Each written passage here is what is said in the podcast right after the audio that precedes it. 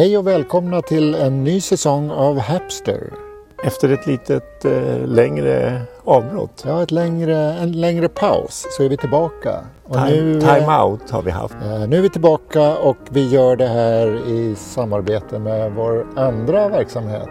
Sen vi hördes av sist så har vi startat Hasselblad och Hoffman där vi tillverkar en mängd goda middagstillbehör, ketchup, senap, chutney och eh, mycket annat smått och gott.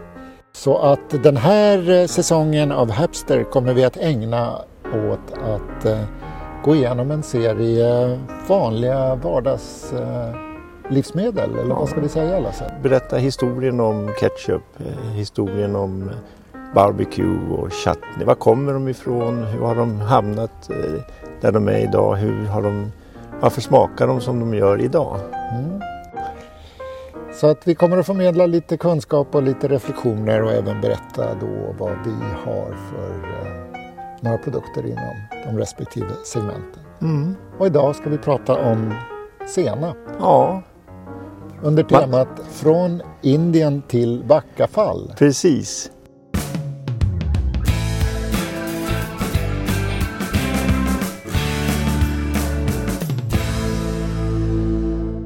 Nu är det ju i mars. Det här kanske podden kanske skulle ha kommit i december. Mm. För december är väl en riktig höjdarmånad för senap. Du tänker på julsenap? Nej, jag tänker på vem kan äta julskinka utan senap? Nej. Det är nästan, det är nästan omöjligt.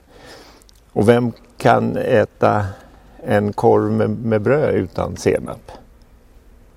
Nej, jag tror att några kan tänka sig att äta korv och bröd utan ketchup, men senap tror jag är standard. Jag tror aldrig jag sett någon äta en korv med bröd utan Nej. senap. Förr var ju ärtsoppa en stor, jag vet inte hur många som äter ärtsoppa fortfarande. Jo då. Det, det ges det? Ja. Men där är ju liksom senap en, en, eh, också en, en viktig beståndsdel. Ja, en klick på tallriken, det är riktigt det finns få länder, jag tror det bara är amerikanarna som äter mer senap än vad vi gör här i Sverige. Är vi nummer två i världen? Ja, jag tror Per capita? Ja. Och det är ju inte bara så att, att jag tror att det var så också att, att på Lucia, det var, det var vad heter det, knärullardagen. Okay. Då, då männen kallades in i köket för att rulla senap. Och vad rullar man då för Man har en stor sån här, eh, en stor eh, keramikskål. Och så har man en som en kanonkula. Och så ska man rulla och så har man eh, massa senapsfrön i, i skålen. Och så rullar man den här kanonkulan runt, runt, runt. Och det är för att pulverisera de små senapsfröna? Ja, och sen skulle man göra senapen då. Och sen skulle den stå i, i någon vecka, tio dagar innan, den, innan julafton senap har ju inte vi i Sverige ätit så länge men man tror att, att indierna, de hade nog, där finns det rester sedan 5000 år tillbaka. Mm -hmm. Indien? Ja, så man tror att senapen kommer ifrån Indien och att den långsamt då vandrar uppåt. Man vet att romarna var ju galna i senap. De använde väldigt mycket senap och de tog med sig senapen sen när de eh, vandrade eller erövrade olika länder upp i Frankrike och sådär. Och det som, när den stora, liksom något, något, stort händer, det är när påven i Rom ger den här franska orten Dijon ensamrätt på senap. Mm. Jag tror att ensamrätt i Frankrike eller kanske inom hela katolska världen. Men då blir det liksom Dijon och då sätter man hur man gör senap. Liksom. Och det, dijonsenapen den, liksom, den smakar fortfarande som den smakade då. Mm. Och dijonsenap är ju ett begrepp. Ja. Jag tror de flesta har väl åtminstone hört begreppet utan att fundera så mycket på vad det är. Klassisk mm. senap. Ytterst lite socker och eh, vitt vin. Mm. Används i dijonsenapen. Det roliga är alltså, det finns ju sådär Dijonsenap, det får vem som helst tillverka. Jaha, Trots det att det är, det är franskt. Nej, det är inget skyddat namn och inget skyddat liksom så att Så, så därför har man börjat med burgund. Jag tror att man har börjat med burgundsenap. Den har Just, inte slagit. Nej, men den har blivit skyddad i alla fall. Okay. Så den kan man, får man bara ja. göra där. Dijon var väl huvudstaden i Burgund, eller en det, viktig stad. Det är en stor stad i, ja. som man gärna åker förbi. Mm. Jag har faktiskt varit där. Ja. Jag tror säkert vi åt eh, Dijon-senap, eller någonting med senap. Ja. Eh, när vi var där. Och fortfarande är det ju så att 90 procent av all senap i Frankrike görs i Dijon. Mm. Eh, och det kanske blir lätt så att, att tillverkningen koncentreras. Mm. Så är det ju i Sverige också numera. Och från Frankrike så vandrar den upp och i Danmark så blev det tidigt väldigt populärt med senap. Mm. Men det blir inte det i Sverige. Eh, och varför det vet jag inte riktigt. Att man, det står någonstans, jag har läst att ja, men det, det är för de rika i Sverige. Och då tänker man sig, varför är det inte för de rika i, i Danmark då? Varför kan det vara där? Jag vet inte om det gick att odla i Danmark då men inte i Sverige eller sånt här, eller men den, senap kan ju smaka ganska mycket och det kanske var en smak som inte passade de svenska ja. eh, gommarna. Precis. Ja, och jag tror man, alltså man var ju väldigt säkert väldigt konservativ på många sätt. Va? Jag vet ju den som potatisen hade ju mm. jättesvårt att slå igenom mm. och sådär. Va? Därför att man, det krävde liksom eh, man krävde liksom att man skulle kunna se fördelarna. Varför ska jag byta för? Mm. Men skånsk senap blir ju sen ett begrepp. Ja, och det är ju dansk senap. Ja, för Skåne var ju Danmark ja, då, så det, är ju, det är ju därifrån vi hämtar senapen. Då. För det lever ju kvar än idag. Eh, och det är väl den, när folk tänker senap till julen så tänker mm. man ju mm. skånsk senap. Där mm. man då mm. har blandat upp både gula och svarta korn mm. för att få lite mer smak på den. Och senap var ju tidigt också en, någon slags, eh, vad heter det, något, ett läkemedel. Mm, det var ju många som vi betraktar som livsmedel idag som var läkemedel. Ja. Och man, man smörjde när man hade ont i musklerna eller så där så smörjde man på senap. Och det, det är möjligt att det fungerade. Om det, var, om det är tillräckligt starkt så kanske det, det gör så, det svider sådär. Ja, så det känns som att det här måste läka för det gör så ja, jäkla ont. Ja, ja, eller så tar det, alltså hjärnan kan bara ta emot en smärtsignal. Och svi, ah. svi, smid, eller svider det mer än vad det gör ont i muskeln, då försvinner ju muskelvärken. Då känner man att det här funkar. Ja, det är därför det fortfarande är så självklart att apoteken säljer senap. Mm. Det är väl det enda livsmedlet egentligen. Ja, nu vet Finns man det kvar inte. på hyllorna i apoteken? Ja, absolut, varje apotekets senap och sådär. Det är varje jul så annonserar apoteken om ja, sin senap. Och, jag och jag tänker mig att nu säljer de väl ja, inte så mycket livsmedel, kanske någon sån energibarer och sånt där. Men, ja. men annars är väl senap det enda som apoteken säljer. I form av livsmedel. De har inte ketchup så vitt jag vet. Nej. Inte än.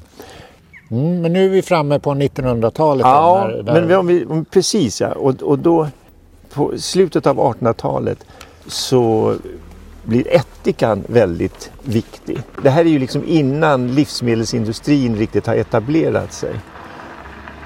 Och då måste ju hushållen själva ta hand om sina produkter.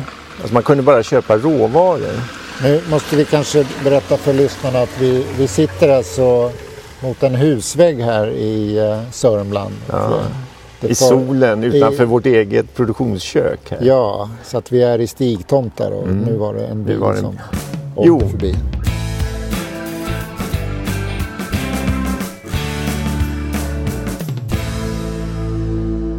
Innan livsmedelsindustrin slår igenom mm. så är det ju mycket utav eh, matberedningen som sker i hemmen.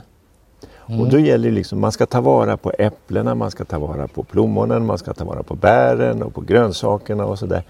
Och då gäller det liksom att man måste kunna ha eh, möjlighet att konservera.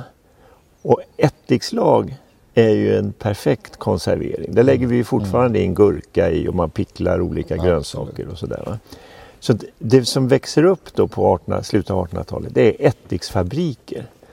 Och en stor sån ättiksfabrik det är ättiksfabriken uppe i, i, i Uppsala. Ja. Och den tillverkar då, den blir en jättestor industri då. Samtidigt då på början av 1900-talet, då börjar livsmedelsindustrin komma vilket gör att försäljning av ättika minskar ju.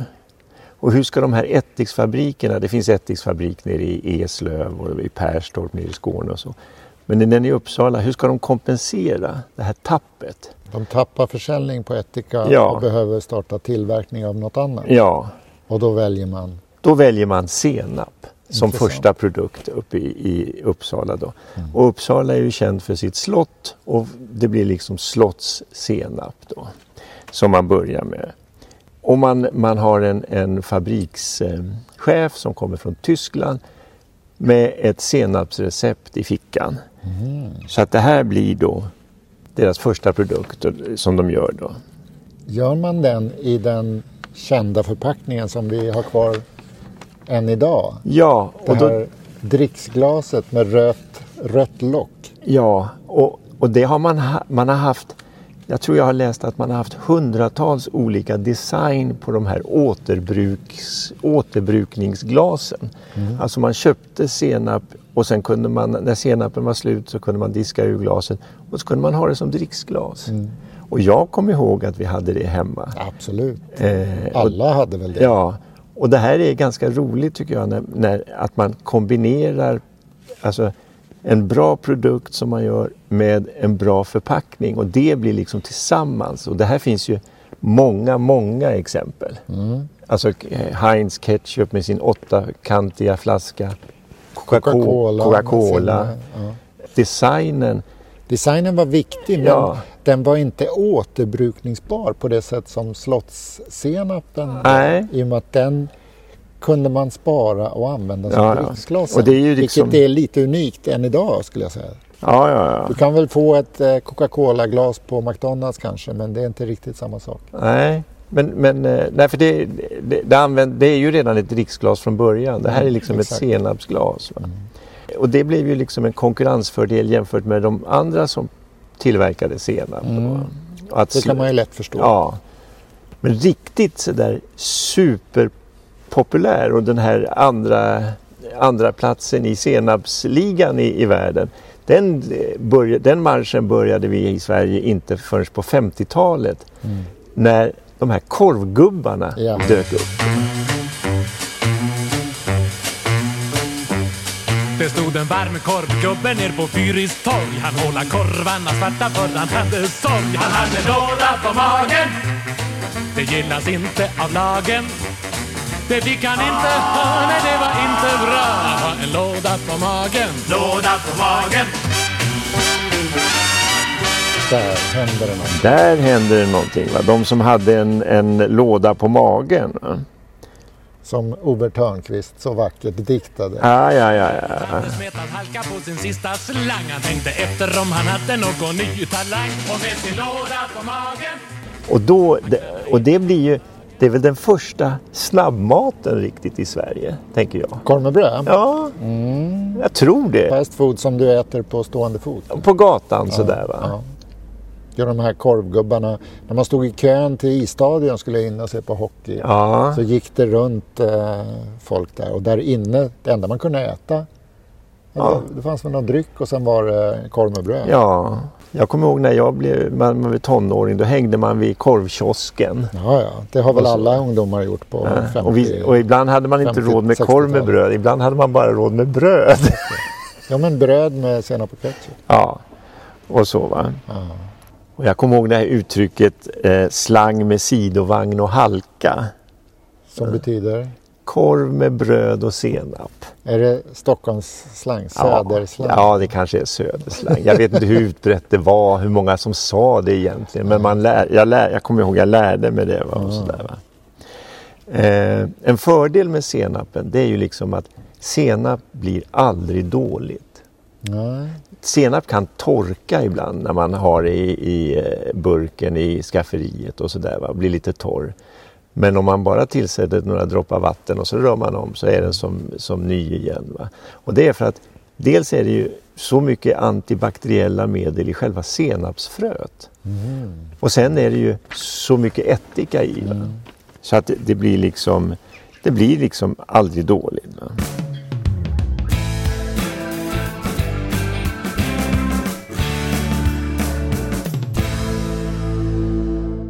Och om man då flyttar fram till idag, ja nu har ju eh, senapsfabriken i Uppsala har ju slagit igen och flyttat till Polen. Och, Ja, jag läste någonstans att detta skedde någon gång i mars 2008 så flyttade Ja. man produktionen från Uppsala till Polen. Mm. Men det finns ju andra senapstillverkare kvar i Sverige Absolut. som har kommit på senare år. Ja, ja. Och jag menar, Slotts finns kvar som ett stort märke men, men Johnnys är ju riktigt... Mm. eh, Och det är också en kul historia bland Johnnys. Det är ju en, en sillhandlare i Hälsingland. Mhm. En riktig sån här säljare. Okej. Så när sillen börjar liksom, ja, det, är inte, det, är, det är liksom fattigmansmat då på 70-80-talet. Sådär, Ja. va? Salt sill och det är, inte, det är inte inne längre. Nej.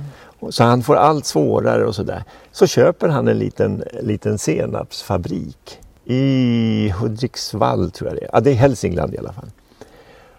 Och eftersom han är en sån säljare så lyckas han ju sälja så otroligt. Och etablera det här Johnny Senap. Ja, ja, men det är ju verkligen eh, Ja. riksbekant skulle jag säga. Och nu har ju de jättemånga olika sorter. Ja. Nu görs de nere i Eslöv men, men eh, det är nästan all svensk senap görs i Eslöv. Okej. Eh, alltså liksom stora märken och Ja. sådär. Va? Och de har ju, det finns ju något sånt här VM i eh, senap i, i USA och de har ju vunnit guldmedalj där flera gånger. Bland annat med amerikansk senap. Det är ju intressant. ja. När lilla Johnny kommer över till stora landet och plockar hem guldmedaljen. Precis, då är, man inte, då är det inte lilla Johnny längre. Nej, verkligen. verkligen. Och så finns det ju en fantastisk som också har vunnit guld i, i USA. Det är Liz, Liz Ellas i Garpenberg uppe i, i eh, vad heter det? Västmanland tror jag det ligger. Den kanske inte har gjort samma genomslag som Johnny Nej, på men, nationell men, nivå, eller? Ja, men den finns. Den det finns jag ser Liz Ellas väldigt mycket. Va? Det är inte samma, det är inte samma korvkiosk-stuk eh, som Johnnys har. Va? Är det Men- lite mera fin eh, Ja, senap, men, men eh, och eftersom senap egentligen, det är ju väldigt enkelt att göra. Det finns ju jättemånga familjer som har liksom, som vi var inne på i början, tradition att man gör senap Ja, till jul. va? Ja, precis. Det Jag vet kanske blir färre och färre men det finns ju fortfarande kvar. För det är fullt möjligt att göra sin egen senap. Så Ja. Vilket för oss fram till eh, Hasselblad och Hoffmans eh, utbud. Ja. För vi har ju senap. Vår senapstillverkning, det är inte heller någon rocket science. Det, men men ja, vi, gör inget, vi gör inget som är vanligt. Det ska alltid smaka något extra. Ketchupen Mm. ska vara smaksatt. Eh, Eh, rapsoljan ska vara smaksatt. Inget neutralt sådär. Ja, men då har vi lite skånska, skånska varianter. Där man då maler eh, senapsfröna och så blandar man det. Och då har vi liksom haft lite, lite roligt med, med namnbenämningarna då. För vi använder ju eh, lite sprit i. Ja. Vilket Och- skiljer det lite från den klassiska julsenap eller skånsk senap. Ja, Är det lite en annan smak? ja, nu är det ju väldigt vanligt med, det tycker jag man ser väldigt många som har whisky-senap. Mm. och sådär. Och vi har, vi har ju också whisky-senap och vi hade först en eh, skotsk, med skotsk eh, whisky. Och vad ska man kalla en, en, en senap med skotsk whisky om inte Highlander? Ja, det tycker Lite- vi var ett det blir namn lite som roligt. ändå signalerar vad det är man får. Ja. Sen eh, har vi rom. En liten karibisk variant som heter Precis, Caribbean. det heter då, ja. det, precis, Caribbean. Och sen har vi en med calvados, ja, och den heter naturligtvis Normandie. Normandie. Och då Eh, kan man ju tro att ja, men då var det färdigt sen. ja, Men det var det ju inte. Nej, och då var, det var nämligen så här att då, då, då har vi ambitionen att våra, våra senaper ska vara ekologiska. Mm. Och då är det, var det problem att hitta ekologisk whisky på Systembolaget. Ja, men det fanns en svensk ekologisk whisky och den kom från Ven, eh, den här lilla ön i, i Öresund utanför Helsingborg. Och den görs i Backafallbyn på Ven. Och då fick ju förstås senapen namnet Backafall. Ja, det är klart. Ja, det är klart. Ja. Ja. Efter den kända visan. Efter den kända visan.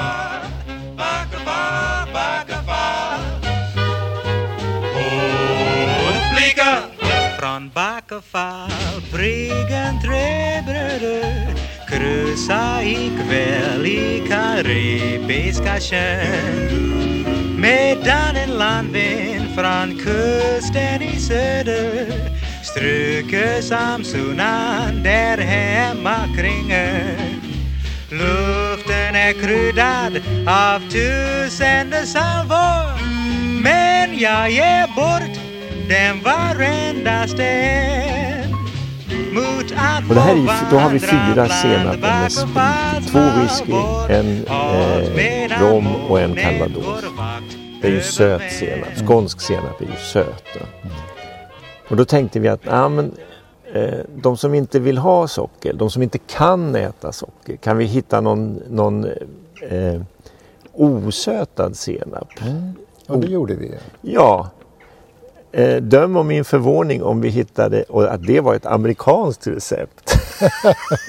Man tänker att allt amerikanskt, det är, om det är sött i Sverige så är det dubbelt så Ja. sött i USA. Ja, eller hur? Ja, Jag tänker på alla flingor och eh, det här som är som, det är ju mer godis än vad det är müsli något sånt där. Alltså vi har ju en som vi kallade American. Och då kan man ju lätt tro att där är det mycket socker. Ja. Men det är precis tvärtom. Precis tvärtom. Det är ju nästan en, det är liksom en yellow masten, En, en, till skillnad från de andra som då, där man då blandar senapen så är det här kokta senaper. De, de kokas då i en timme ungefär. Och, så, och den, är, den som vi kallar American den är, är lite, med lite stänk av vitlök och så. Men, men helt osöta. Men då kliar det ju i fingrarna och så måste man göra USAs grannland, ja Kanada, vad är de kända för då? Lönnsirap. Lönnsirap. Och då kan, men då blir det ju en sötad senap, men det är väl okej. Och så kallar vi den för Canadian. Ja. Så då har vi nästan täckt in halva västvärlden. ja, så att nästa gång så kommer vi kanske att leta oss österut. Eh, om vi hittar på något spännande till hösten. Så Mm. skulle det kunna bli en... Eh, En indisk senap. eller? ja, jag tänkte mera Östeuropa då kanske. Ja, ja. ja. Vi får, se, vi får var se vad de har för, om det finns speciella traditioner och så. Va? Som, som, eh, så att det, är väl, det är väl historien om, om eh, senapen.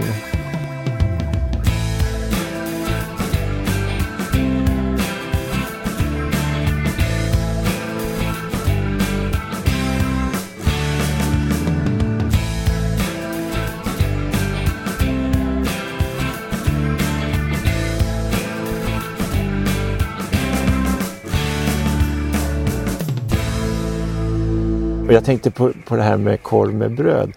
Det har ju fått, tycker, känner jag, liksom nästan någon, någon renässans med Ikea och Biltema. Och. Absolut. Det är ju den, när du närmar dig en Biltema, det första du ser är korv med bröd 5 kronor. Ja. Är det inte så? Eh, Så där har vi väl alla svängt av. Och de har väl Johnny senap? Har de inte? Ja, Jag minns faktiskt inte. Nej, det, ska vi vara- Jag skulle nästan kunna tänka mig. De har ännu inte Hasselblad och Hoffman i alla fall. Ännu inte. Ännu inte. Och Hasselblad Hoffman har ännu inte någon guldmedalj i, i VM i USA. Nej, vi har inte ens haft den ambitionen. Nej. Men, eh, Men eh, vem vet? ja. Ja. Vi har i alla fall fått guldmedalj av många av våra kunder som talar om att eh, de tycker vår senap är riktigt, riktigt god. Ja. Så det glädjer oss. Och vi ja. kanske ska tillägga att vi har en till liksom senapsfröprodukt. Mm, det kanske vi ska nämna. Och den är vi lite ensamma om. Och det du tänker på våran mustard caviar. Ja, Våran veganska kaviar. Senapsfröna så har vi picklat dem. mm. Vilket gör att senapsfröna har ju kvar sin eh, konsistens och tuggmotstånd. Mm. Samtidigt som det är en senapssmak.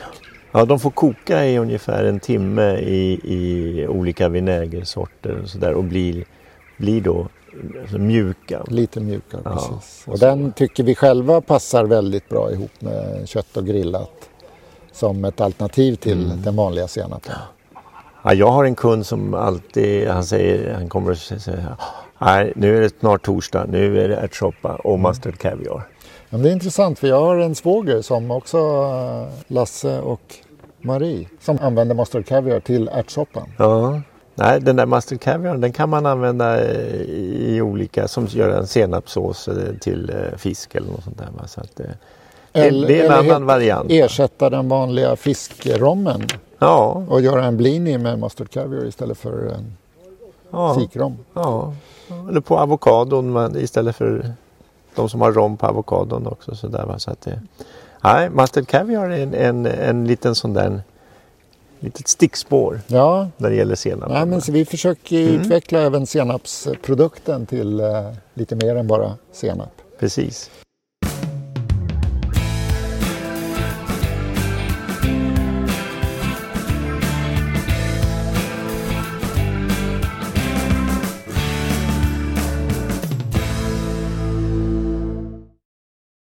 Men då, då får vi väl tacka för idag va? Ja, vi eh, avslutar med eh, de picklade senapsfröna. Ja. Och, eh, Och så vet ni att vi finns på, på nätet. På vår, vi har en webbshop och vi har en hemsida där som hasselbladhoffman.se.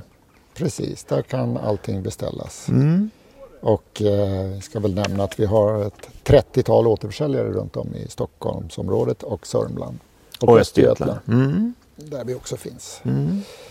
Så med det så stänger vi butiken för idag. Ja, och, Och, lovar att det eh, kommer inte ta två och ett halvt år till nästa Nej, avsnitt. det kanske tar någon månad eller Ja. två men det kommer eh, ett, en till episod innan sommaren i alla fall. Ah, två episoder tänkte jag att det skulle Två komma. innan sommaren kanske Skulle till och med. Nästa skulle handla om ketchup tänkte vi. Nästa gång blir det ketchup. Mm. Ja. Då har vi täckt in eh, korv, korv och brödsegmentet. Korv och brödsegmentet, ja, precis. Mm.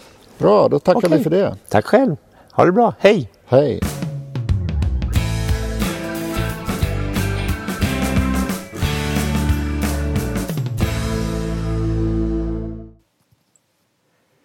Hapster. Lite djupare, lite bredare, lite mera höjd. Vi reser i nuet, lyfter historien och fångar framtiden. Vi finns på Facebook som Hapster Podcast och som Hasselblad Hoffman. Du hittar oss på hasselbladhoffman.se på webben och våra poddar finns på Apple Podcaster, Spotify, Acast och Soundcloud. Tack för att du följer oss.